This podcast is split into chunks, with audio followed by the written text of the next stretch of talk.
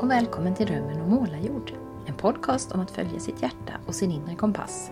Om att komma till sin rätt som människa och om att förverkliga drömmar. Jag heter Maria Estling Wannestål och i podden möter jag personer som har vågat lyssna inåt och känna efter vad som är viktigt för dem. Jag inspireras av deras berättelser och tankar och det hoppas jag att du också ska göra. Dagens gäst är en person som har gett mycket inspiration till mig och min kollega Sara i vår verksamhet Livstid som vi startade som ett projekt med utgångspunkt i reflektioner om livet och tiden och, och vad vi egentligen gör med den. En solig dag i början av april träffade jag Fredrik Warberg, en av grundarna till Tidsverkstan, som när den grundades för 16 år sedan kom med ett ganska nytt sätt att tänka kring miljöfrågor, hållbarhet och livsstil. Här är nu vårt samtal, inspelat i kontorskollektivet Lusthuset mitt i Göteborg, där Fredrik har sin dagliga arbetsplats.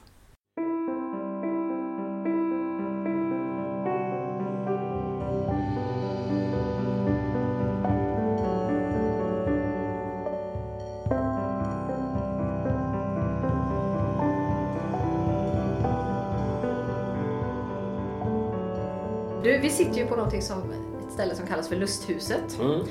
Hur skulle du vilja beskriva det här för den som inte vet? Jag tycker detta är ett häftigt ställe. Det är någon typ av eh, communitykontor, eller Mm. vad säger man? Ja, det, det, det är ett kontorskollektiv som nu har 15 år på nacken och som är ja, en, en, en yrkesmässig samlingsplats för folk som eh, jobbar frilans inom hållbarhetsområdet Mm. i vid bemärkelse. Just det, så det finns en kärna i verksamheten kan man säga, fast det. Det finns, en, det finns en, det finns två stycken som inte liksom yrkesmässigt jobbar med hållbarhet direkt. Mm. Men de är väldigt engagerade privat. Ja, just det, så de passar väl in här i Ja, fikarummet Det- i alla fall. Det är liksom en eh, tysk-spansk programmerare och Ja. en österrikisk också. Också som Ja. eh, datanisse. Men de, de är väldigt engagerade privat Ja. å andra sidan. Så det blir, mycket, blir det mycket sånt snack då eh, över Ja, luncherna alltså det- här eller? Det är, vi har 15 år på oss. så Vi, vi har ju... eh, Och, och är alla inne i det, så Mm. att säga. Så att, eh, och följer med och sådär. Men vi har jättestort utbyte Ja, då. Av det också. Vi, vi hjälper varandra, vi tipsar varandra Mm. och sånt där.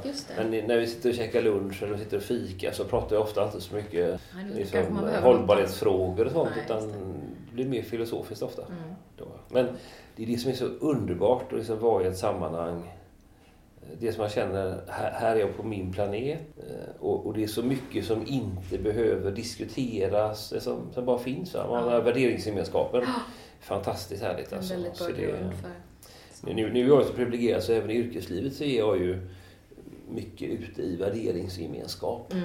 Då, för att det, det, det är ju den gröna ankdammen som jag simmar omkring i här Ja. i Sverige.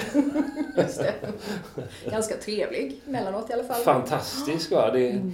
det är ibland så det bara så tänka så här att eh, det är ofta också roligt ur meningskänslosynpunkt Mm. att ibland träffa människor som, det gör jag också ibland, Mm. men eh, träffa människor som de här frågorna är helt nya. Ja, För då känns det som man plöjer jungfrulig mark. ja. Annars är det med gödsling av Ja. eh, gamla åkrar. ja, just det. precis. ja, precis. Du, vi ska prata mer om, om ditt arbete här, men Mm. bara tillbaks till lusthuset här. Mm. Eh, vad finns det, det måste ju finnas både för och nackdelar med att jobba på det här sättet. Det är inte så vanligt, det är inte jättemånga som, som gör det. Mm. Vad, vad är de största för och nackdelarna, tycker du? Inga nackdelar. Inga nackdelar alls? Nej, jag kan inte se några nackdelar. Nej. Inga konflikter eller så Nej, här? alltså, nej alltså det, det kan vara att det är någon som man irriterar sig på någon gång sådär va, men herregud. Det, det har man ju i sin familj också va. Ja, just det. Och, på, och, och det är ju extremt lite sånt tror jag, jämfört med de flesta andra. Och det- jag tror det beror mycket på värderingsgemenskapen. Mm. Så det är bara fördelar. Ja. Vi sitter mitt i stan, i Göteborg. Och eh, det är kollektivtrafik precis runt. Trevliga omgivningar, kaféer, restauranger, dusch. Alltså hur bra som helst. Och sen är det jättebilligt. Mm. Just det, för ni delar på den här Ja, kostnaden. ja visst, 20, 24 kanske vi är tror jag. Mm. Jag vet inte, det är aldrig, aldrig som alla är här. Va? Nej, att, eh, nej, fungerar det på det sättet? att man, Kan man hyra in sig liksom på, eller har alla sitt fasta kontor som de alltid är? Eller finns det några som varvar och vara här? Eller Ja, det, blir, det är både och. Mm. Att, eh, och det har vi haft i olika perioder. Så, så har vi för exempel hyrt ut till eh, Unicef rekryteringsgrupp. Och Mm. de använder lokalerna ofta på helger och kvällar. Och, Ja, just det. Då är inte så många. och då är det inte så många andra här. Och vi har haft några författare som vill komma hit eh, liksom, fyra dagar i månaden typ. Mm. Och då kan de sitta var de vill. Om de som har platserna har sagt att det går bra att använda min plats. Mm. Sådana, så att, Så det blir väldigt flexibelt på det sättet? Ja, att det kan det anpassas efter de som, som är här? Ja. ja, ja, det finns inga nackdelar. Va? Och Nej. alla som sitter här utom en eh, verksamhet av de som sitter där skulle lika gärna kunna sitta hemma. Mm. eh, Egentligen. Fast Mm. ingen vill sitta hemma. Nej, för man vill ha den här gemenskapen och en plats att gå Ja, till. precis. Som jag hörde någon, någon författare, 1800-talsförfattare som skrev hemma. Det gör ju ofta vi som skriver, sitter ju ofta hemma. Mm. Men han tog på sig hatt och rock och gick runt kvarteret för att han liksom skulle komma tillbaka och gå in på jobbet. Ja. Så jag har det lite så för jag skjutsar min son till dagis och sen åker jag hem och jobbar. Och Och då jobbar. kliver jag in och då är jag på jobbet. Då är det kontoret. Så det blir lite det där att man markerar liksom ändå Ja. tiden. Jag skulle inte få för mig att ställa mig och göra en diskmaskin när jag är på jobbet, även om jag är hemma. Det är många som säger annars att de har svårt för det där när Ja. de jobbar hemifrån. Det kanske är den här rundan du gör då som... ja, det är kanske det som gör att jag ställer in mig. Nu är jag Ja. på jobb-mode här. Mm. Du, du jobbar ju med någonting som, det heter Tidsverkstan Mm. och det drog igång 2000. Men vad gjorde du innan dess? Vad är din bakgrund? Då jobbade jag på, innan dess jobbade jag på en, på en, eh, ett miljökonsultföretag Mhm. tillsammans med Jörgen som vi Ja. startade här tillsammans med. Och det miljökonsultföretaget det, det var han med och startade 1991. Mm. Då. Så han var en av delägarna där då. Och, eh, så där jobbade jag ett tag innan och innan det så hade jag såna här idéer som skulle starta ett, ett, eh, ett företag som byggde på helt andra principer än de, de eh, generella. Det är en lång historia så jag tar inte den. Det hette Protellus och det skulle vara sådär att göra bra saker för världen Ja. och, eh, och ändå liksom kunna försörja folk. Det höll jag på med i, i ett par, tre år sådär. Fantastiskt eh, bra visioner och sånt där. Och, Mm. och, eh, det kan jag säga för det var inte bara jag utan jag bjöd in, jag, jag hade faktiskt en platsannons när jag skulle starta där. Jag ville inte göra det själv. Jag sökte 8 till 10 människor Ja. en platsannons i, i lokala Blaskan här i Göteborg. Och jag, jag kommer ihåg att de hade så svårt för dem, de ska kategorisera Ja, de här annonserna. Va? Det säger så här, människor, vad, vad, Vad vad, ska det vara för kategori på de här platsannonserna? Så de hade problem med. Nej, men så, så jag intervjuade Agna ett par månader och intervjuade inte 150 pers kanske. Som, för det var många som svarade. Ja. Som ändå förstod vad det handlade om. Ja, alltså för jag bara signalerar lite värden och sådär. Ja. Va? Det, det, det, mm, alltså hållbarhetsvärden. Att, att starta något nytt. Liksom. Det finns inget ännu. Men vi ska starta något nytt. Vad finns det för verksamhet? Ja, det får vi prata oss fram till. Just det, det Men det är liksom en hållbarhetsram. Va? Så, att, Ja. så hyrde in en konsult och så var vi borta på ett konferensställe en långhelg. Och sen så startade vi ett företag då som hette Protellus. Liksom. Mm. För jorden. Ja, precis. Ja. Och då under de dagarna så jag, ah, vad, vad, vad ska vi göra? Liksom. Ja, och alla hade sina, alla sina, ja men vi kallar inte det, och inte affärsidéer, utan vi kallar det för näringsidéer och sånt där. Ja. Ja, det var mycket så här ideologiskt och Ja. jätteroligt och en fantastisk, fantastisk resa och så mycket människor och, Mm. som har träffat och sånt där. Sen fick vi inte riktigt fräs på det utan det var, vi var väl två stycken som hade våra eh, gjorde grejer som byggde på våra gamla erfarenheter fast i ett Mm. lite nytt sammanhang. Ja. Och, men det, det blir också så att när man signalerar en sån grej va, så, och det blir sånt otroligt intresse Mm. så är det väl för att många kanske tycker att det saknas någonting och något som är tillräckligt Mm. meningsfullt, världen är krass och så är plötsligt det något som signalerar som inte känns så krasst utan som känns lite större eller liksom sådär, lite mer, mer mening än eh, money Mm. på något sätt. Och då blir det lite flugor till en sockerbit och Mm. sådär. Va? Och Sen så fick jag en sån här bild också att det har varit ett paraply att ställa sig under i en regnig värld. Mm. Och det, det är ju en sak och sen så sen är det också att få, att få fart. Man ska våga släppa. Det, Ja. det, det vet ju Ja, du ja, och Sara, visst. liksom där våga släppa. Va? Och, och, och, um, så det var ju, det var ju många som, som gillade det här. Och, jag vet, vi var ju tio som startade sen så, sen så innan vi hade något överhuvudtaget på plats så gjorde vi en nyemission. Mm. och då fick, blev vi 52 delägare i detta. och när vi gick ut med här så sa vi så här. Ja, alltså det här, om du blir delägare i detta va, så förmodligen kommer du förlora dina pengar. Uh, I alla fall inte få avkastning på det. Ändå blev det 52 delägare. Ja. Liksom.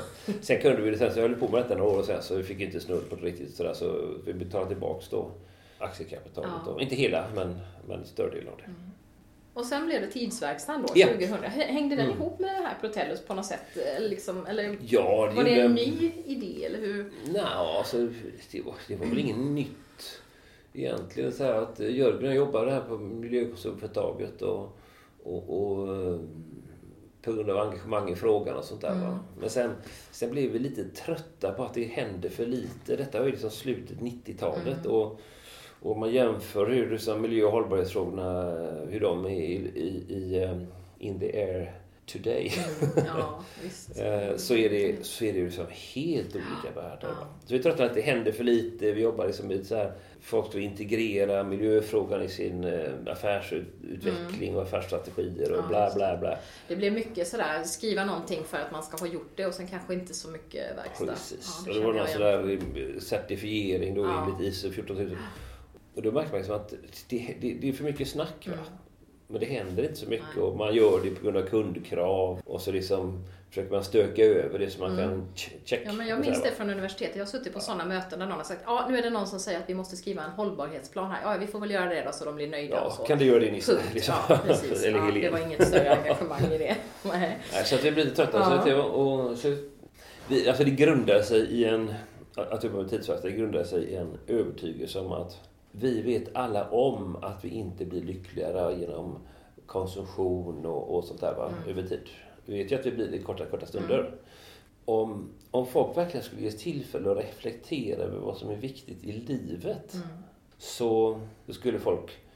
Alla kommer på det. Ja, visst. Ja, att det är nästan håller på att jobba så in i helsike för att tjäna pengar för att kunna bygga ut altanen Mm. eller liksom whatever. Va? Eller resa någonstans. Det, det, det är inte det som ger livet innehåll Nej. och, och eh, tillfredsställelse. Va? Utan, eh, så att, så det är liksom, vi ska sätta folk i reflektion. Så att, eh, för då, som ett resultat av den reflektionen så kommer man komma på saker och kanske styra om sina liv. Ja. Det var en helt annan sätt att Just närma det. sig samma fråga Mm. än att liksom jobba med liksom få in i affärsstrategin i Ja, företag. precis. Nej, men det är ju ett annat sätt att prata med individen och vad, vad Ja. blir det här för vinst för mig faktiskt? Ja. Som, som människa i livskvalitet. Ja, och och sen och inte, inte just att det är så här, eh, men att man på ett mjukt och fint sätt kommer fram till det. Så att, och då, och då så, så hittade Jörgen, jag läste i någon eh, amerikansk bok, fanns det en studiecirkel. Mm. Och, ja, inom voluntary simplicity, frivillig enkelhet och rörelse i USA. Och reaktion då naturligtvis på den här konsumistiska eran. Då. Och, eh, så han läste den och vi provade den. Eh, vi körde den, eh, översatt till svenska, körde den ute på Brännö. Eh, 11 pers, va? den här urtidsverkstaden. Ju Så himla härligt. Nu var det de flesta redan frälsta. Va? Men, men vi kände ju ändå att det var en power i det. Det. Så vi sa så här, nej, det här ska vi försöka sprida. Mm. Vi sa upp oss från det här miljökonsultföretaget och att jag gjorde det som hade jobbat där några år bara, det var inte så eh, det var inte så spektakulärt men att Jörgen som var en av grundarna Ja. liksom och, så här, var, var ju lite traumatiskt då. eh, För dem. Men vi slutade i alla fall där och så sa vi så här, vi tar ett ideellt halvår och försöker sprida den här. Mm. Då, va? Och ehm, så vi hade inte ens hunnit påbörja vårt ideella halvår. Vi hade inte slutat på det här miljökonsultföretaget förrän det var någon som hade hört. För det, det, blev, det skrevs någon artikel Ja, det. och det blev Så någon det. radio eller sådär va. Så hörde någon av sig från studieförbundet och sa att eh, det här låter spännande. Så här, va? Ja. Faktiskt från samma studieförbund samma vecka, två olika personer helt Ja. oberoende av varandra. Ja. Så jag tänkte det måste ju vara något med detta. Så vi var på ett möte där i augusti. Vi slutade då till, till semestern. Och så frågade jag ja men resultatet blev att de ville att vi skulle göra en sån här för dem. Mm. Och vi hade ju idén att vi skulle sprida det. Och här var det då ett studieförbund som hade kontor på 261 ställen i landet. Mm. Och dessutom betalade oss för att vi skulle utveckla denna. Sen liksom, så utbildade vi 120 ledare runt om i landet att leda detta. Vilket egentligen inte behövs. det är bara man kan leda det är ganska själv... Ja, för gjorde det här materialet och studier, så här deltagarmaterial med frågor och inledande texter Mm. liksom för sätta igång reflektion och, och sen handledning hur man håller i det här. va. Mm. Så det, det kan ju vem som helst göra som inte är helt ovan att umgås med andra människor. Men det spred sig över hela landet så det fick den effekt som ni hade tänkt er? Ja, eller? alltså inte alls lika stor såklart. Nej. För att det, det beror på vilka ambitioner man har. Men Mm. det är sådana här kampanjer liksom, du vet så här sätta Sverige i rörelse. Mm. Är man inte, jag är lite naiv va? men är man inte realistisk så inser man ju att det, inte, det är svårt att nå sju miljoner människor. Det är det. Och va? samtidigt så kan ju de där små fröna man sår ibland Ja, leda till saker som precis man så. kanske inte ser i förstone. Men som, Absolut. Då. Så, att, eh, så jag vet inte om det var 10-20 tusen som har liksom ja, suttit som har och- gått igenom de ja. här frågorna. Vet du, jag, tänkte, jag har ju kikat på de frågorna och jag tänkte Ja. nu att dels så känns de väldigt relevanta för den här podden. Mm. Och dels så tänkte jag också att det kunde vara kul för lyssnarna att få höra. Så jag har plockat ut några frågor så tänkte jag Ja, ställa dem till dig nu. Okej, det? vilket, får vilket journalistiskt får stu- grepp. Studsa tillbaka, jag blir jättenöjd när jag kom på det igår. Ja, ja, Så jag har plockat några här som, som jag Ja. tänkte du skulle få svara på då utifrån din egen livssituation. Där kommer den här Får bumerangen vi se om du tillbaka kommer liksom. ihåg dem. Det var ju ett tag sedan. I vilka sammanhang använder du tid till saker du själv valt och vill göra? Åh, det var en väldigt snäll fråga. Ja. För att det, alltså, jag har ju så extremt privilegierat. Ja. Då, alltså, jag, har, jag har jättemycket tid. Jag har jättemycket tid. Det mesta du gör är av den typen. Du har ställt Ja, ja alltså det, är, det är olika saker. För att jag har ju jag har liksom föreläsningar, jag håller workshops, jag har ju jag håller konferenser och sånt där. Och då, har jag ju, då måste jag vara på plats där de människorna som Ja. jag ska jobba med är. Så du styrde inte helt själv så? Nej, nej, det går ju inte. För det, det kan man inte säga. Ja, lite spontant en konferens här för Just det. 380 pers liksom. Den Den är, ju, den är ju planerad va. Men, eh, Mm. Så att jag har ju de tiderna och jag ska vara där då. Ja, mm. Men utöver det Mm. så har jag liksom total. När ska jag förbereda detta? Mm. Styra helt själv. Eh, Är det en regnig söndag, sätt mig på en söndag. Mm. Är det en, är det en eh, solig måndag så åker jag till torpet eller till båten. Alltså otroligt mycket. Alltså, jag, jag skulle ha, ha nog kanske om min arbetstid då. Om man nu tänker måndag, fredag arbetstid, vilket ju inte alltid är Nej. helt sant heller. Ibland är det ju aktiviteter på helgerna och sånt. Visst. Men, men om vi säger det så, så skulle jag bedöma att jag har ja, 80% kan jag göra när jag vill och vad jag vill. Ja, härligt. Vad vill du använda mindre tid till? Har du kvar något sånt eller har du skalat bort alla sådana saker som du inte vill göra? Vad vill jag använda? Det var en intressant fråga. Vad, vilken bra fråga Ja, du kom med. Himla bra. Inte du kom på den. Nej. Ja, vad vill jag använda mindre tid till? Hmm. Det kanske inte finns så mycket för du har ju ändå liksom du har ju känt efter vad du vill göra och du gör det i så stor Ja, utsträckning. men alltså det, det måste ju finnas mm, Någonting. Det måste ju finnas sådana saker. Ja, alltså det är mer sådana här löjliga saker som att jag har hur många gånger som helst tänkt att jag ska arrangera mina bilder. Du vet, Ja. Jag lever mycket i powerpoint nu Ja. ute. Och, och, och jag ska arrangera dem så jag inte behöver tänka så här. Ja, vad var det jag gjorde det Just där det. någonstans? Det är Eh, lite att- tids och energitjuvar. Ja, precis. man- Åh shit, nej det var inte det va. Ja, nej, det var där och så sitter jag och letar i min dator. Ja. Alltså, så att, Så lite mer struktur så skulle du behöva lägga lite mindre ja, tid jag på skulle investera lite tid i att, att göra, något, göra det lite enklare för Ja. mig. Sådär, men, Ja, men, det. men samtidigt så, så lider jag inte så mycket av det. Hade jag lidit Nej. av det så hade jag nog gjort det. Mm. Utan det är att det kanske tar en timme extra Mm. någon vecka då. Det gäller att komma, lite- bara komma på tanken att man ska göra det också. Ibland Ja. är det ju så. Ja. Och sen nu tar det inte mycket tid med så här tråkiga administration. går väldigt fort och lätt och Mm. väldigt lite sånt. Så att Ja. Det är svårt alltså. Så Ja. ja, men det är väl bra. Det är Ja. väl Ja, det är mycket skalat. Hade det varit för kanske fem år sedan så hade jag kanske sagt att eh, använder mindre tid till, till att gå på tillställningar som jag egentligen inte vill gå på. Mm. Utan som jag har pliktigt. Ja. Men det, det har jag skalat skalat. bort det? Ja, Mm. mycket, mycket bortskalning har det varit. Ja. Så att, eh, ja, Ja. bra frågor. Har du fler? Ja, jag har fler jättebra frågor. Vad får du att bubbla i dig? Det tycker jag var en härlig fråga. Åh, oj, oj, oj. Ja, den, den är fin den. Va? Den är Ja. jättefin. Jag tror den är tillsammans med en väldig massa frågor Ja, just det på det en, temat. det var va? lite fler där så. Men jag För att där är det, en. ibland när man ställer frågor så här så är det ju att människor relaterar olika. Va? Mm. Och då är det så, om man säger det här, vad får det bubbla i det till en, en människa med viss personlighet Ja. fattar ingenting. Nej. Då, va? Det här var ju kopplat till vad känner jag, mening och engagemang och glädje och lust och Precis. sådär. Mm. Nej, Så men- jag tror just på den, det temat där så vet jag att vi ställer kanske frå, samma fråga Fast Precis, på tio olika, olika bogar va, för att det skulle, Precis. någon skulle träffa. Yes. Mm.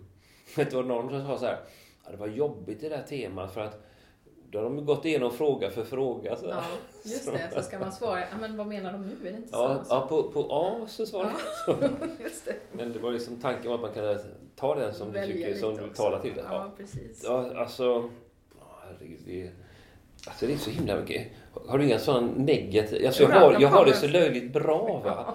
Så att, så att jag kan... Alltså, bara sätta igång associationer. Alltså, när jag lägger en sån här riktigt god, perfekt skärande sväng med snowboarden. Ja, det Ah, bubblar. det bubblar. Eller, eller när jag får ett sånt riktigt god körare när man är ute och seglar. Va? Så, Ja. att, så, att, eh, så att båten faktiskt går fortare än vad den kan. Ja, Egentligen, alltså enligt de fys fysiska lagarna. ja just det. Är det man- mycket, ditt bubbel, är det mycket relaterat till utomhusaktiviteter? Ja, det är det ju, men inte, men inte bara. Va? Alltså, för det är också ett, liksom, riktigt, ett riktigt gott samtal som, Mm. du vet, som eh, bygger på varann och, och, och um, som bara flyter och så här. Va? Så att man är en, två eller flera människor som bara på något sätt surfar uppåt Mm. i, sina tankar. Ja, Liksom, av varandra. Sånt. Ja, Det är ju så Ja, det är sjukt gott. Eller Ja. när jag står och kliver ved. Det, det är inget riktigt bubbel, det är mer en sån här mm, meditativ. Ja, men det, det, har jag, det är en sån grej som jag tyckte var skittråkig för tio år sedan. Vi eldar hela vårt jättestora hus med Ja. ved. Så det är mycket ved och jag har tagit ansvar för det. Och i början tyckte jag det var så tråkigt. Men nu är det nästan det bästa jag vet på sommaren att stå där. Lyssna lite på en podd. Det Ja. kommer en unge då och då och hjälper Ja. till. Tar man en paus så är det jättehärligt. Som meditation. Ja, det är meditation. Det är det faktiskt. Upprepning Ja. och... och eh, Och sen tänker jag också när man har mycket sådana här jobb där man är mycket i huvudet, mycket Mm. vid datorn, då är det så Mm. otroligt skönt ibland att bara släppa det och få Precis. jobba med kroppen. jag körde i påskhelgen så körde jag kärra. Vi fick till torpet och fick vi 13 ton grus på skärtorsdagen. Mm. Så det skojar jag med i påskhelgen och, och kärrade 13 ton grus. Va? Vilka egenskaper och förmågor är du glad och stolt att du har? Den var svår. Ja, det är så, alltså jag, jag, jag är glad. Glad, jag är stolt vet jag inte, men jag är glad över att jag har en, en eh, hyfsad associationsförmåga. Vilket är faktiskt väldigt viktigt i mitt jobb. Eh, När man har med grupper att göra och sånt där. Och den är jag glad för. Ja. Den Hur kan är- den ta den sig viktig. uttryck? Den kan vara... Den kan så, ta sig flera uttryck, men, men att det gör det lättare för mig att relatera till vad folk säger. Mm. Då, va? Och, och sen så göra någonting med det och skicka tillbaka det Ja. eller något sånt där. Va? Alltså, det, det, Du är flexibel då också så du kan vara lyhörd och anpassa dig till gruppen du möter. Och... ja, alltså det, det, det, det ska ju andra bedöma som, som, som en säger. Jo, jo. Men, men ehm, det, det är väldigt bra att ha när man, när man har med grupper att göra. Ja. Eh, Även liksom i föreläsningssituationer med in- interaktivitet. Så att någon säger att man kan associera. Och jag tror också man... Det är också lätt att göra saker mer lättsamma på det Mm. sättet.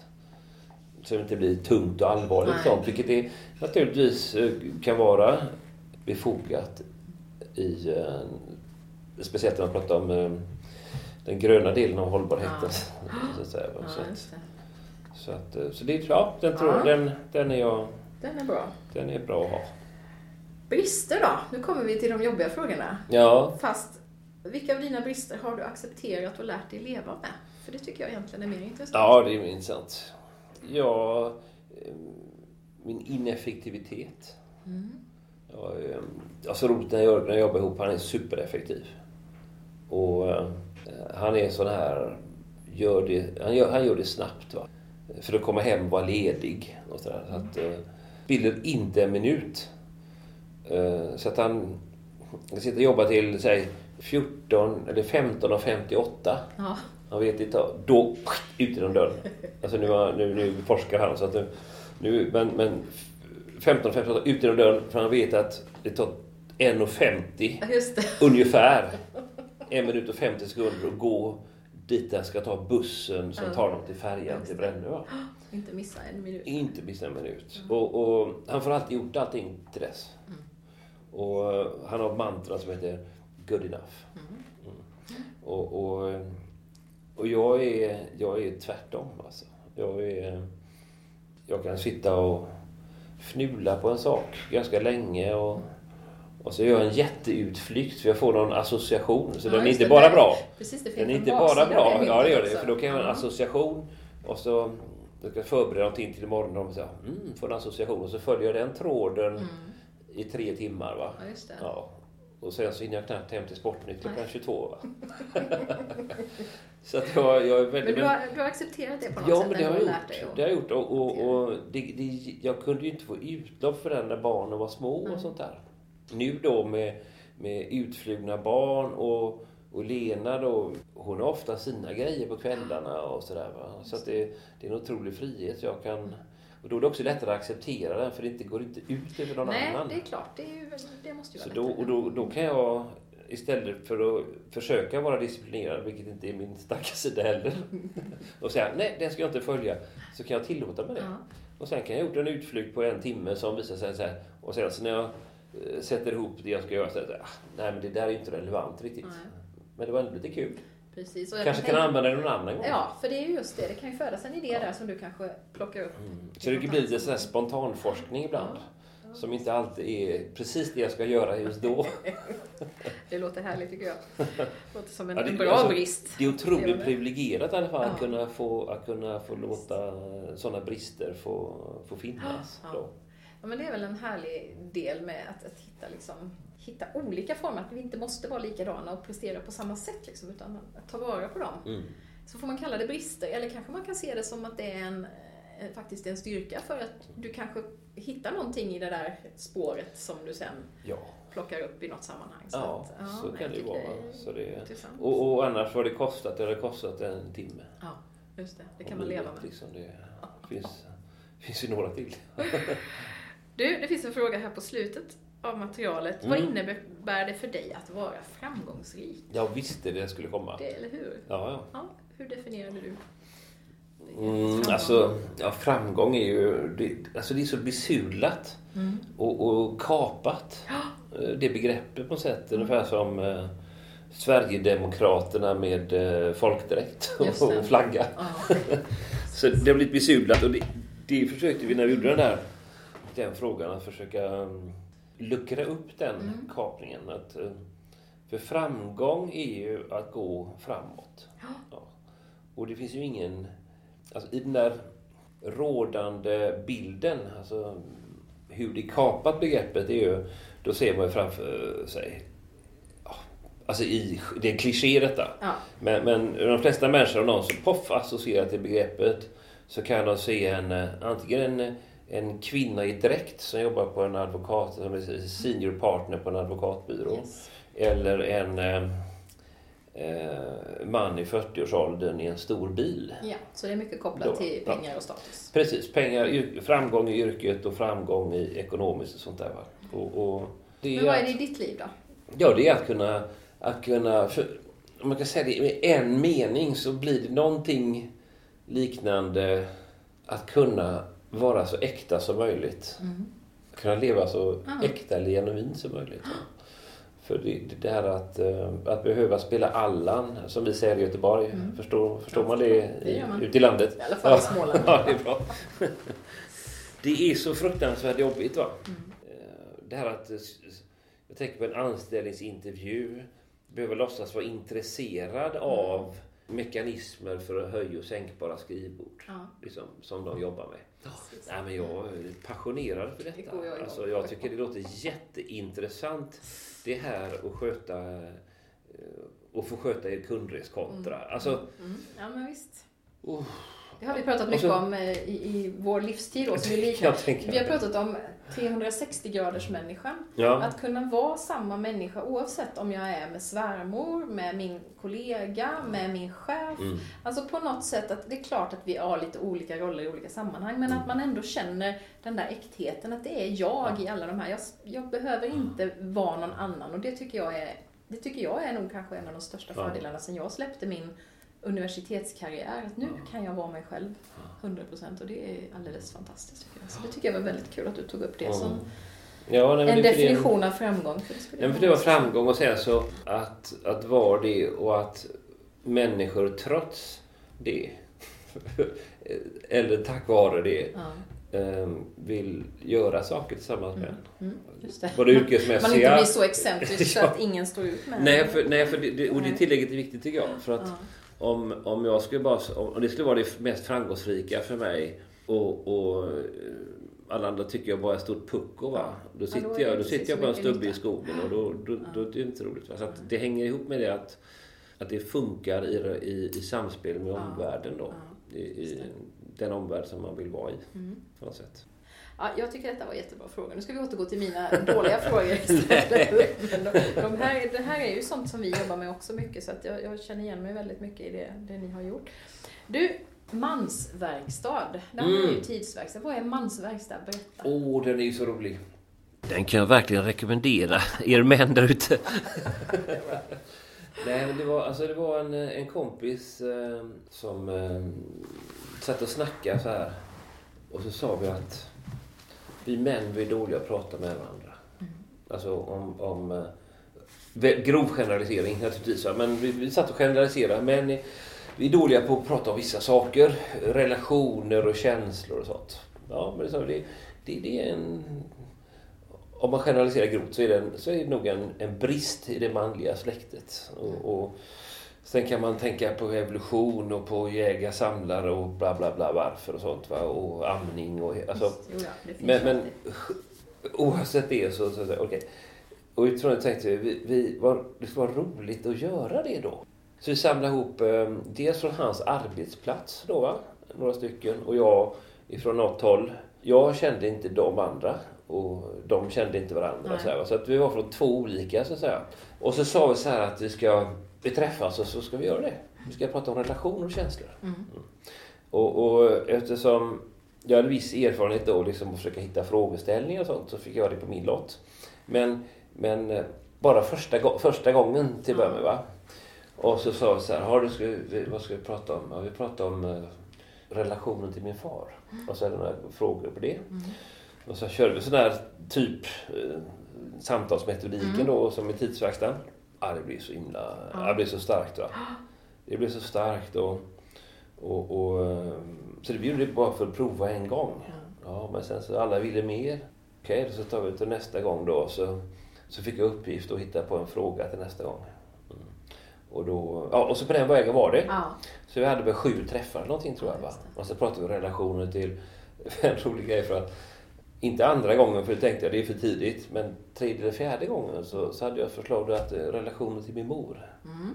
Det var några som inte ville ha den. Den blev för tung va? Den blev för jobbig. Är- Jätteintressant. Så den var inte med där. Nej. Men, men eh, vi hade då till vänner, till partner, till ja, Mm. barn. Upp och ner, kors och tvärs i liksom, relationsmatrisen. Ja. Så, och det blev så bra så att då, då tänkte jag att du, då, då skrev jag bara ihop det och la ut på, på, Ja, på För det webben ligger ju Så man kan ladda hem den. Ja, och köra. Så, jätteenkelt och eh, otroligt häftigt Ja. alltså. Det är kul för vi har kompisar på, Sara och jag, på Mundekulla, kurs och Ja. Peter Ellenberg och de har ju kört Man in Mission där bland annat. Med precis samma, eh, samma ingång som det. Det, Ja. det är så härligt att se det här växa fram tycker jag. Så man kan säga att det är, är inte så att män inte kan göra Nej. det. Vi är bara lite otränade. ja precis. ja, det är underbart. Jag ska länka till det här materialet tänkte jag för det kan ju vara någon Ja som men är gör det, nyfiken. För jättekul. det finns ju, Det- Och ni har lite annat också. Det finns med relationer i allmänhet och det finns leva enklare, var det något? Så Ja, det, relationsverkstan är Ja, också... precis. Det är också baserat på based on a true. Ja. Alltså på egna upplevelser. Ja, just det. Praktiskt som, som när jag och Lena hade, vi hade alltså vi varit gifta i 33 år Mm. typ. Ja, 30 år. Och eh, vi har haft väldigt stormigt och ups and downs och Mm. eh, nära gränsen ibland och sånt va. Och, eh, men, men då när vi har närmat oss sådär, det har varit riktigt jävligt. Liksom sådär. Perioder, alltså ganska korta perioder för vi står inte ut med det jävligt länge. Nej. Så, och då har vi försökt göra någonting åt det så har vi åkt bort några gånger sen så nu ska vi åka bort och prata. Och så gör vi min lilla sjuka då för att strukturera samtal som För jag tror att samtal blir ofta bra när Ja, man strukturerar dem. Ja, vi lyssnar på varandra och sånt. Så kom vi överens om att vi skulle ha en metod. Då. Eh, För jag vet inte att... Men ofta när man ska prata så kan det bli dåligt. Mm. Och det kommer det där... Så kommer det där ordet då, vad som är laddat och så kommer hela Precis. historien farande. Och så går man i taket och så är man i, i taskiga kommunikationsmönster. Så att, här handlar det om liksom, man får ju bita sig i tungan då när det är den andra som pratar. Va? Mm. Och, och, så att jag gjorde en sån struktur på det och ja, det blir ju skitbra. Ja. Sen vet jag inte om det funkar för andra men jag vet de som använt den och säger att det, Ja. wow. För det, det är väldigt inbjudande och det är inte sådär att du ska ändra på dig. Nej. Utan det, det bygger verkligen på helt egna ansvaret. Liksom, vad, vad jag ville göra. Mm. Fast det kommer ju lite grann efter man har fått lyssna och Mm. prata. Mm. Naturligtvis. Ja, men det är ju det. Man måste ju börja där. Men, eh, Så, ja, lyssna. så jag säger en sak som jag ville göra för att förbättra det som inte är bra. Mm. Ja, så en sak. Så får den andra Ja. säga. Och så kan man, ja. Mm. Och det kan bli en del. Mm. Ja. Eller inte. Eller inte. Nej, men det är klart. Det, allt går inte att rädda heller. Och allt som, allt som kommer in på verkstaden blir inte reparerat Nej. utan en del blir skrotat. Ibland blir det slut. Mm. Ja. Men då, då är det väl skrotat utifrån eh, någon slags eh, medvetenhet i alla fall. På ja. något sätt. Det är bättre. Ja. Du, du och Jörgen skrev ju en bok också. Yes! På riktigt. Ja. Eh, där ni har pratat om, ja, rik på riktigt. Kan du bara definiera för de som inte vet vad det står för, det begreppet? Mm. Det, det är ungefär samma som, som, eh, som är framgångsrik. Liksom. Mm. Att, att det, det är att vara rik på sådana här saker som vi egentligen längtar efter och strävar efter. Mm. Ha tillräcklig meningskänsla och ha tillräcklig mm, halt av kärlek i våra liv och Mm. mening och glädje och eh, hyfsat styr på vår Ja. tillvaro så att vi inte är offer för omständigheter. Alltså, ha tillräckligt av dem som vi tror då att alla människor egentligen längtar Mm. efter och strävar efter. Fast vi tenderar att glömma bort Mm. Och försöker ersätta med nytt kakel eller nya Men det blir köksskåp. ju mycket lyckligare? Vad har den här boken fått för mottagande? Har du hört? Jo, det var läsare bra. Jo, det var bra. Alltså, jag vill inte läsa det. Jag vet ju hur många det har sålts, men jag vet Ja. inte hur många läsare det har varit. Men, eh, men eh, de som, det finns ju på bibblorna Mm. eh, överallt. va, Så att, och de, jag brukar fråga ibland, finns det en? Nej, det är kö på den då. Så Härligt, den, säger jag. ja, den läses fortfarande? Jo, men det är för den, den trycktes först i en upplaga då och då tryckte de, de trodde väl på den här, så de trodde, tryckte den i fler ex än man brukar göra. Mm. Så, och sen så blev det pocketupplaga efter den och sen blev det en pocketupplaga till då. Men sen så, sen så tyckte de att den sålde för dåligt. Den sålde över tusen ex om året och Mm. tänkte tyckte de var för dåligt. Tyckte jag med naturligtvis, men jag tyckte ändå de kunde fortsätta. Ja, För det var så käckt, det kostar den 35 spänn. Då kan man liksom, Kan man det är inte så... så nu, men nu finns den då på som print on demand då Ja. eftersom inte förlaget ville, ville fortsätta. Den var rolig för den var, det var, det var en journalist som hette Petter Bäckman från Stockholm som, som klämde titeln i något sammanhang. Jag kommer inte ihåg. Mm. Och sen var det en, på omslaget är det då ett, en diskho och med ett litet förgyllt raster över har den. Och, och det var så roligt med den här. För att vi hade ett förlag då, Natur och kultur. Det är liksom, Mm. de är ju jätte, jätteproffsiga och allting. va. Och de hade ju folk som skulle göra omslag. Och, Mm. Så de hade då massa omslagsförslag som de gjorde. Så skickade de till oss och sa ja men det där, det där blir bra, sa vi. Ja, och så, så fastnade för marknadsavdelning kanske så tyckte nej det funkar inte. Så här så gjorde de ett till och så skickade de till oss. Ja, men det, det var bra tyckte vi. Och så var det någon annan som tyckte inte det var bra. Va? Så våran andra redaktör som hade hon, hon, hon sa vi har en kille så han är himla kul. Han är vaktmästare på mitt gamla förlag. Han gör sånt här ibland. Jag ska Jaha. höra med honom. Så han fick läsa manuset och så, och så kom han med den här Så idén. Ja. Så att det var Rikt på riktigt. För det kopplar ju till, undertiteln är ju En värdefull vardag är möjlig. Mm. Och det är den då liksom en diskbänk med lite förgyllt raster på. Så, Precis, så det handlar om vardag, det är där det finns va. Just det, det- inte jobba ihjäl oss för att kunna åka på en lyxsemester i en vecka utan hitta det där i, Ja. i det vi lever i dagligdags. Precis, att jag, jag tyckte han bara... Mm. Han satte Men folk tyckte det är jättekonstigt. Varför har ni en diskbänk på omslaget? Diskbänksrealism. Ja. Ja. Men du, idag så, så är det ju föreläsningar, workshops. Är det det som är din huvudsyssla nu kan man säga? Mm. eller? Mm. det. Så- Och vad är det för människor? Vad, vilka möter du? Vad, vad är det för typ av uppdrag du får? Ja, så det, det är till 90 procent i den offentliga sektorn som Mm. jag jobbar med. Då. Och, liksom miljöförvaltningar runt om i kommuner, miljöstrateger eh, på, på kommuner och på länsstyrelser och på region och landsting. Ja. Och sådana som ordnar konferenser så, så jag åker jag dit och babblar ibland. Ibland Ja, så modererar jag en konferens. Ibland så gör jag med och designar den och leder den. Och liksom ser till att få talare. Mm.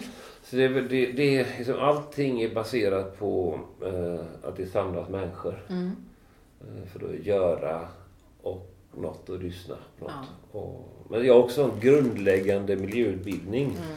som är jätte, jätteroligt. För att för de andra grejerna så tenderar det att vara folk som är rätt på banan och sånt där. Mm.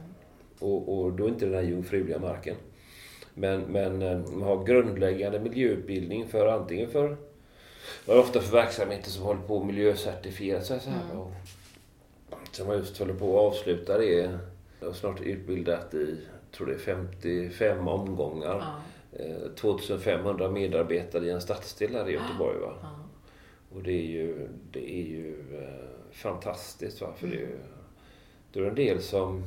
Så Oj, jaha, är det så? hade jag ingen aning om. Så kan vi ha det. Det här, då måste, det här, så måste jag sluta göra. Alltså. Ja. Det är jätteroligt. Men vad, vad är fokus då? Är det liksom individen? Är det arbetsplatsen? Eller har ni hela tiden det stora samhällsperspektivet? För ni skriver ju om alla de här delarna. Ja. Eh? Ja, där, är det ju, där är det ju världen. Mm. Alltså, när, när, man, när jag har folk som kommer som gör massa olika saker fast Mm. de har samma arbetsgivare. Då går det liksom inte att säga vad kan vi göra här och du vet sånt här hos oss och så. För då, det blir mer generellt. Så att det är ju världen och individen kan man säga. Mm. Och, Just det, och, samspelet däremellan. ja, precis. Att ser, hur är det? Hur ser det ut och vad är det som går åt rätt håll? Vad är det som går åt fel håll? Och, eh, vad, vad in, liksom, hur påverkar vi och vad kan jag göra för Ja. mina val? Hur påverkar de i det stora hela och sådär? Ja, det. Och, och, eh, Jobbar ni någonting tillsammans med omställningsrörelsen? Som jag har haft lite... inte, inte lite mycket samma alltså, inte mycket för att, men eh, ibland då har vi haft prat och Mm, sånt där. mm. Då, Ja, för omställningsrörelse. Och det är liksom på det ideella kontot. Vi har Ja. ett ideellt konto. Ja, saker. Som där, man, där vi gör saker för organisationer vi stöder. Då, va? Mm. Eh, då, då, tar vi inget, tar vi inget betalt. Nej. Men Jörgen är inte kvar i tidsverkstan längre. Nej, han, han, för han forskar på Chalmers nu, eller? Ja, alltså han är så rolig för han, eh, han började forska. Först doktorerade han i sociologi på tid. Jätteroligt. Just det. Ja, Så det höll han på länge. Jag hade lite kontakt med honom för jag skulle eventuellt varit med i något projekt men han hörde aldrig av sig sen. Jaha. Så jag tappade bort okej. mig. Och sen så har han varit på, på Chalmers eh, då och Mm. eh, sån här forskningscenter som heter Miströven Futures. Och, och de gör jätte, jättebra grejer. Så jag, jag har mycket kontakt med deras Mm. eh, de forskargrupper som han Ja. ingår i. Och eh, det är jätte, jättebra är det för att de bedriver ju, dels håller jag lite workshops och sånt ibland i de sammanhangen Mm. när de håller på med sina forskningsprojekt. Och, och eh, ibland får jag vara med som bara en utböling och Mm. tycka lite. Mm. Sådär va. Bara liksom personen utifrån. Och, och sen också då så, eftersom jag är med i det här och vi bollar mycket. Så här va, och bollar frågor. Mm. Så när han håller på med någonting så kan han bolla, ah, vad tror du om det där? Och så får jag tycka. Och så där, det är underbart. Och sen så då när det kommer några forskningsrapporter och sånt, och de, de producerar ju sånt hela tiden då Mm. för Naturvårdsverket och vem som helst. Och eh, sen så blir det lite media kring detta då va. Och så ringer de till de här forskarna som och säger att "Vad kan inte ni komma och prata om detta? Nej men eh, de, de håller på att forska liksom. De kan inte Ja, komma ut och ha inte föreläsningar. sånt. Men så jag ring Fredrik sen. Ja, så du är ansiktet utåt. Nej, det är jag inte. Det är väldigt inofficiellt. Men, men, eh, men det är, för forskning ska ju spridas. Va? Ja. Och sen så när en forskare är ute och berättar om sin forskning så är de, och det måste de vara, det ska forskare vara, extremt korrekta. Va? Mm. Alltså det får inte, man får inte säga en mening som, jag kan ju ta ut svängarna. Va? ja, visst. Så, Alltså, jag ljuger inte, Nej. men jag måste inte berätta varje detalj. Nej. Och var, när man, varje detalj i en forskningsrapport, då blir det extremt tråkigt. Mm. Och då är det ingen som lyssnar och det blir inte spritt. Ja, just det. Men du har inte tagit in någon annan eh, liksom, kompanjon eh, som har ersatt Nej, Jörgen, jag utan du kör mest i egen... Ja, nu, det, är, det är så. Och, men, men däremot så har jag ju med mina uppdragsgivare Mm, Vi jobbar ju tillsammans i de här olika, det. när det är mer eller mindre då va. Som har en, en konferens nu som ska i, i, i maj här. Ehm, och eh, den har vi jobbat med, jag vet inte hur många arbetsmöten vi har haft. Vi börjar väl i december tror jag. Och arbetsmöten och har det någon gång var Så tredje du vecka. känner dig inte ensam och sen har du dessutom ditt frilanskollektiv här Precis. så det finns hela tiden människor. Det gör det. Och sen som jag, det var när Jörgen slutade då så, och, och började forska och var barnledig var han också. Och då, då kände jag mig ensam. Mm. Lite ensam i, i mitt. Inte här på kontoret. Nej, Det- men i, det kan man vara ändå. Ja, och det här med den här dagliga bollningen och sånt där. Så då, då, då försökte jag hitta en, en ny Jörgen. Mm. Han är extremt svårersättlig va? Just med att, eh, att ha så, så lik, lika värderingar Ja. och så, så olika egenskaper. Just det, det är ju ofta Det det, är som liksom- är... jag vet inte hur det är med jo, det, men Sara, det är lite men- så med oss också. Vi har väldigt mycket gemensam kärna men vi är Mm. också väldigt olika på vissa sätt och kan ta olika roller och uppgifter och så. Det är, det är en match made in heaven kan jag känna. Nej, för det var så jag, jag vet som... Så det är lite efter en Jörgen då, men det hittar jag inte. Och, och, men sen så har jag gjort ett annat projekt som jag haft då, att, att hitta Jörgenen i mig. Ja, det är jag. Jag har inte behövt använda det så mycket, som tur är. Men, men för han är... Ja, det finns inget bra svenskt ord för det. Mm. Han har många egenskaper, men just detta som jag ska säga någonting om nu, det är att han är bold. Ja, Han är bold, alltså självklar och lagom framfusig. ja. Det är så här, herregud, det här är ju... Det här, det här måste ni göra. Det här det hjälper ju mig. det. Det här? Han är sådär... Han liksom, inte om ursäkt absolut, när han ber inte om ursäkt för sig. va? Jag, jag, är, jag, är, jag är väldigt blyg i det hänseendet. Mm. Va? Jag, jag, jag har ganska, ganska bra självkänsla ganska, och självförtroende. Jag vet att det är bra. Men jag avskyr att försöka torgföra det. Va? Ja, men det är precis som jag och Sara då, för Sara är min Jörgen. Alltså, hon är? Hon ringer samtalen. Jag kanske må våga mejla. Ja, jag, jag kan mejla och så... Åh, jag är Ja. med det. Men har du jag, jag, blivit- jag det är avskyvärt alltså. Ja, visst. Men har du blivit bättre på det nu då sen Jörgen försvann? Har Nej, du alltså, plockat jag- upp den där Jörgen i dig eller? Nej, men alltså det är så roligt va, för att man... Ibland så tror jag att man kan, man kan eh, eh, lösa saker utan att behöva lösa dem på något sätt. Va? Mm. Som, det har varit flera gånger under den här tiden. Med har det ju inte varit alltid så att, att vi har fullt att göra och man kunnat ta ut lön varje månad. Det är liksom de senaste kanske fyra, fem åren. Någonting. Mm. Så det bara har, har rullat på av sig själva. Men, men, eh, men innan dess då så, så har jag haft sådana här sköna perioder, som, eller sköna, osköna perioder. Mm. Som, så tittar jag i almanackan. Oh, väldigt lite bokningar. Ja. Och jag ser på min sån här beläggnings och likviditets-Excel-ark liksom. Det här, va. Det blir inte många löner det här kvartalet som kommer. Och så, och så, och så har jag haft en process där då. Så, så att jag kanske har haft den tre, fyra gånger under de här 15 åren. Har haft en process så går det så här att Ja, shit, det här måste jag göra någonting åt. Mm. Och den tanken går med ungefär en vecka. Ja. Och sen så nästa vecka så... åh, Måndag gör jag ingenting, förtränger till tisdag. Liksom, nej, fan, nu ska jag göra det. Imorgon då ska jag sätta mig och göra en plan Ja, för vad jag ska göra. För att, för att liksom få in eh, uppdrag och sånt. Ja, och sen så på onsdag så sätter jag mig och gör det. Och torsdag, fredag och så. Och så nej, fy alltså. Jag får hitta, jag får hitta ett jobb. Mm.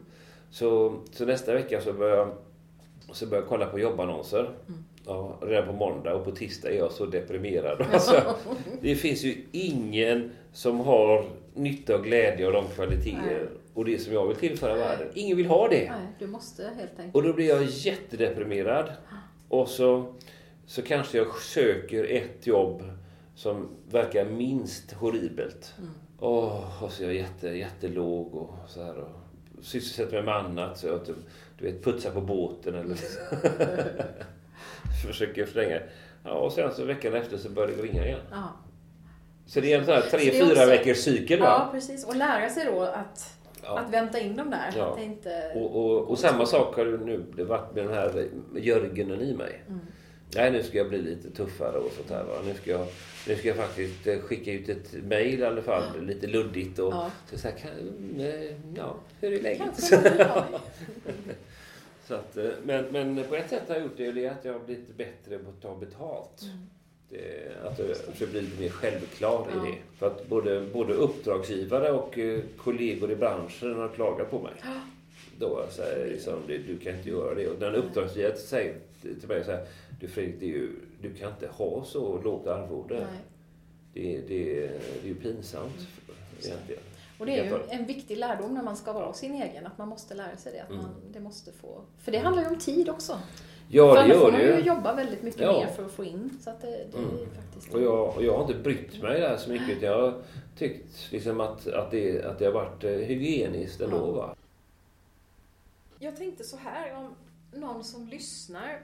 Känner sig lite främmande för de här tankarna. För mig är de ju inte nya, för jag har ju också jobbat Mm. med det här så länge. Men har du någon tanke om hur ska man börja? Har du något så exempel på små steg man kan ta om man vill leva lite mer enligt eh, tidsverkstans tankar? Alltså vi har ju ingen tanke om hur man ska leva Nej. så direkt. Utan det är mer så att... Men om man vill vara mer hållbar då, ur ett både mänskligt och globalt För mig handlar det nog mycket om att våga ifrågasätta eh, normer. mm. Alltså för för jag, jag, jag upplever ju inte att normerna i vårt samhälle idag stöder mot ett välbefinnande, bejakande och hållbart liv. Nej. Utan eh, det är andra strömningar där. Va? Vi ska vara eh, konsumenter och produktiva arbetstagare på något sätt. Va? Alltså, det är en generalisering men, men det tycker jag mycket ligger i tidsandan. Då. Alltså att, så att våga ifrågasätta normerna alltså, och, och, och vägra, om man, om man nu inte... Om man, om man tänker så här, om man nu gillar detta med att känna sig som en produktiv konsument och en, och en eh, flexibel, socialt kompetent och högpresterande arbetstagare. Så det är väl inget fel med det. Det- Jag, jag har inga värderingar i det. Nej. Det är vad jag kan säga att jag har träffat jättemånga människor som, som inte vill det. Mm. Och vill man inte det, ja men vill man någonting annat än normen så, så då kan man ju inte flytta med strömmen. Nej. Utan då måste man ju gå emot den. Va? Och det, det kan vara jättejobbigt. Så, att, så att jag tror att det, det att, att våga ifrågasätta även det, det som man har och det som man håller på med och, och, och verkligen reflektera och inte Ja, bara... för det, det baseras ju på reflektion Ja, det är det. egentligen. Att Ja, ja. överhuvudtaget att stanna upp liksom och tänka till. Vad gör jag med mitt liv? Vad, Ja, ja. vad håller jag på med? Och vad vill jag göra? Mm. Liksom verkligen reflekte- reflektera både i meningen känna efter eh, och tänka efter. Ja. Då. Och även i meningen bolla det med och samtala med andra. Va? För det reflektera sina tankar och känslor, andras tankar och känslor, Mm. det, det kan ju ge en väldigt mycket stöd. Så jag tror att liksom, ifrå, reflektion och ifrågasättande är, det tycker jag är det grundsteget. Va? Ja. För hur ska man annars göra det? Jo, man kan komma, man, man kan gå i väggen. Mm. Mm. Då tvingas man. Då, då, för att det, min fru Lena hon jobbar ju då med, med människor som har olika grader av utmattningssyndrom och panikångest och hej och vad Mm. det har gjort i 20 år. Och, och, eh, så hon träffar ju många då som är, som är tvingade att ändra sina liv Ja. av olika skäl då. Och, och, så då händer det ju. Va? Ja. Så, men, men det är ju en ynnest på något sätt att, att, bestämma själv. Kunna göra det innan det har hänt, ja. ja. och, precis. ba, och, och, för man kan ställa sig så mycket frågor. Va? Liksom, ja, eh, om man nu inte älskar mitt jobb utan snarare tvärtom vantrivs med det. Va? Så, så, men jag är tvungen att ha det kvar för att jag har Precis. räntor och amorteringar. Ja. Då, va? Nu, nu, nu är det en liten paus i det där med ränta och amorteringar procent, för det är så lågt. Va? Så att nu, nu, nu, nu svider det inte. Nej. Så att nu är det många som kan fortsätta så här fast eh, vi människor vi har svårt att göra saker som, som eller ta, ta egna beslut om att saker som känns som att vi vrider hjulet tillbaka. Mm. Jag har en sån här bild i huvudet och jag har, jag har det på powerpoint också. med, så här med kugghjul va? Ja. som går åt ett håll. Och så sitter en sån här, nu gör jag lite gester här men det framgår ju inte i radion eller på podden. Men så ligger det en sån här spärr på och när, när, när hjulet går åt ena hållet så blipp, blipp, bara spärren det. följer med. Då, va? Ja, det är det hållet vi utvecklar våra liv, liksom så här materiellt och liksom eh, karriärmässigt och allting. Men att om vi får känslan att hjulet börjar gå åt andra hållet, Mm. då ligger den där spärren, då säger det inte plipp, plipp, då säger det stopp. Så det, är så här, det är svårt att gå tillbaka. Men Och då är det viktigt att tänka på vad är det gå tillbaka och vad är gå framåt? Precis. Är Då det- kommer framgångs... Ja, precis. Är det framåt vi går när det säger plipp, plipp, plipp, det går enkelt? Ja. Och vi, vi får, får eh, mer ansvar på jobbet, vi får högre lön, vi kan bygga ut huset eller Mm. skaffa större lägenhet. Och sådär. Är, är, går det framåt bara för att vi säger plipp, plipp, plipp? Mm. Och då krävs det någon reflektion. Så här, vad, är, vad är viktigt? Vad, vad, vad, skulle, vad skulle det innebära för oss om vi bodde hälften så dyrt? Mm. Men kanske hade dubbelt så mycket tid och Precis, energi över när vi precis. kommer hem från jobbet. Vad skulle hända om, om, om jag kan säga nu, nu vill jag bara jobba 70 procent. Ja. Om man går och säger det till min chef, då var jag så här, oh, ja, men då är karriären över. Mm. Och vad skulle det innebära? Så reflektion, ifrågasättande. Och här kan man ju ha nytta av materialet som ni har för att komma igång med det om man är ovan. Absolut, och era, era, era livstidsaktiviteter. Mm. Eh, För det tror jag, att ett material i sig, det kan vara bra för det kan väcka frågor, men att, att, Man behöver att också ref, just den här se, Mm. om reflektion, det här att, att reflektera sina tankar i andra Precis. människors. Ja. Det, den, den är ju den är oslagbar. För att få, eftersom det är svårt att ändra Mm. i annan riktning än vardagsfloden flyter, Precis. så behöver man styrka. Man behöver lite hjälp för att komma över den där spärren då. Precis, för att, för att, för att då kommer alltså, grannar kommer att säga så här att Jaha, nu går det dåligt för de där. Mm. Alltså, är det va? för nu har subben blivit bara en Ja, liten alltså, jaha, de har problem. Liksom. Medan de är på väg mot lösningen. så att, Ja. så att det, det, det, det, är- man behöver bekräftande... Alltså för alla är det inte jobbigt, men det kan vara jobbigt för Mm. vissa. Visst. Så man behöver bekräftande sammanhang Mm. där man får stöd och power. Och istället för att grannen säger att jaha, nu har jag gått ut för nu har jag fått liksom delvis permitterad. Men eh, yes, jag har Ja, fått 70 äntligen. procent. Ja.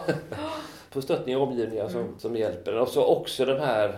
Man, man, alltså ibland, ibland så tror jag att vi hindras av att vi, att vi söker för stora lösningar. Mm. Alltså, eller lösningar på allt. Istället för att... Man kan ju se det som att... Eh, jag vet ingen bra metafor nu. Associationsförmågan är avstängd. Ja. Men, men att... Åh, nu ska jag förändra livet va? Mm. Och så, och så från eh, etagelägenhet i, i centrala Växjö då till eh, eh, en stuga i Urshult. Ja. Liksom, där, va? Usch, det blir tungt. Men man kan också börja småtagga ner. Mm. Då. Man kan eh, alltså ifrå, alltså ifrågasätta alla, alla små konsumtioner Mm. som man håller på med. Va? Jag har ett, ett exempel på en kollega jag hade som, som... Han bodde här inne i Göteborg, i Kungsladugård. Inte, inte ocentralt alls. Spårvagnar, massa spårvagnar som går där. De hade bil. Och de hade ju något lån, lite lån på den här bilen och. Och, och han räknade ut vad kostar det oss att ha bilen? Skatt och försäkring och du vet hela pirivitten va. Det där vill man ju inte räkna på om man själv har bil. Men, men han gjorde det. Och han kom underfund med jag jobbar en dag i veckan för att, För för att vi ska ha den här bilen. Ja. Då, va? Och han tog de direkta konsekvenserna av det. Ja. Och sålde bilen, gick ner till Ner 80 procent. Ja, men det är ett lysande Alltså- exempel. Ja, visst. Det behöver inte vara så himla Nej, komplicerat. det blir inte så himla komplicerat. Nej. Men, men, det är inte, sen, men, men sen tänker jag så här också att med, eh, med det med att arbeta mindre som är, Mm. Jörgen är ju Ja, jättehet på det. Va? Downshifting. Precis. Och när jag tänker på detta ur hållbarhetsaspekten och miljöaspekter och hur vår konsumtion påverkar naturen och sånt och planeten så, så jag, jag är inte riktigt inne på det där helt och hållet. För att jag, jag tänker så här att om, om man älskar att jobba, Mm. Varför ska man inte göra det? Nej. För det är inte, för det är inte att människor arbetar mycket med bra grejer att för samhället. Det är inte det som är problemet. Problemet är att vi får för mycket betalt. Just det, så vi kan konsumera lite för mycket. Ja, precis. Så även om man inte... Alltså, så att, eh, jag brukar tipsa folk om det, vilket inte alls är särskilt uppskattat. Eller det, ingen har nappat på det tror jag. Men om du älskar ett jobb och du själv tycker du gör meningsfulla saker. Så eh, varför gå ner i lön? Ja. Du kanske får ett sämre liv. Eller varför gå ner i tid menar jag? Ja. Utan gå ner i lön istället. Och liksom... Ja, det är ingen som blir så här, är ingen som ler, ingen, ingen tycker det är roligt. Men egentligen så är det det som är, är grejen om man tänker ur hållbarhetssynpunkt. Vi behöver mindre pengar, vi som har, vi som har lön, vi behöver mindre pengar. De som har jättedåligt, de behöver mer. Och vi behöver mindre. Ja, spännande tankar. Tack så hemskt mycket Fredrik för att du tog dig Ja, tid att vara med i podden. Ja, Jättekul vad roligt att ha det här i Göteborg. Göteborg, ja. Ja.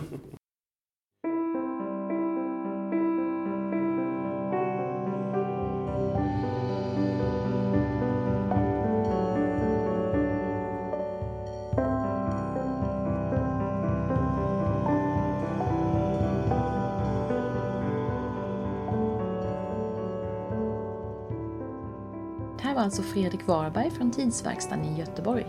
Och den finns på webben på www.tidsverkstaden.se. Där kan du bland annat hitta frågematerialen som vi pratade om i podden. Kanske blir du sugen på att ta initiativ till just en sån här studiecirkel som Fredrik pratade om.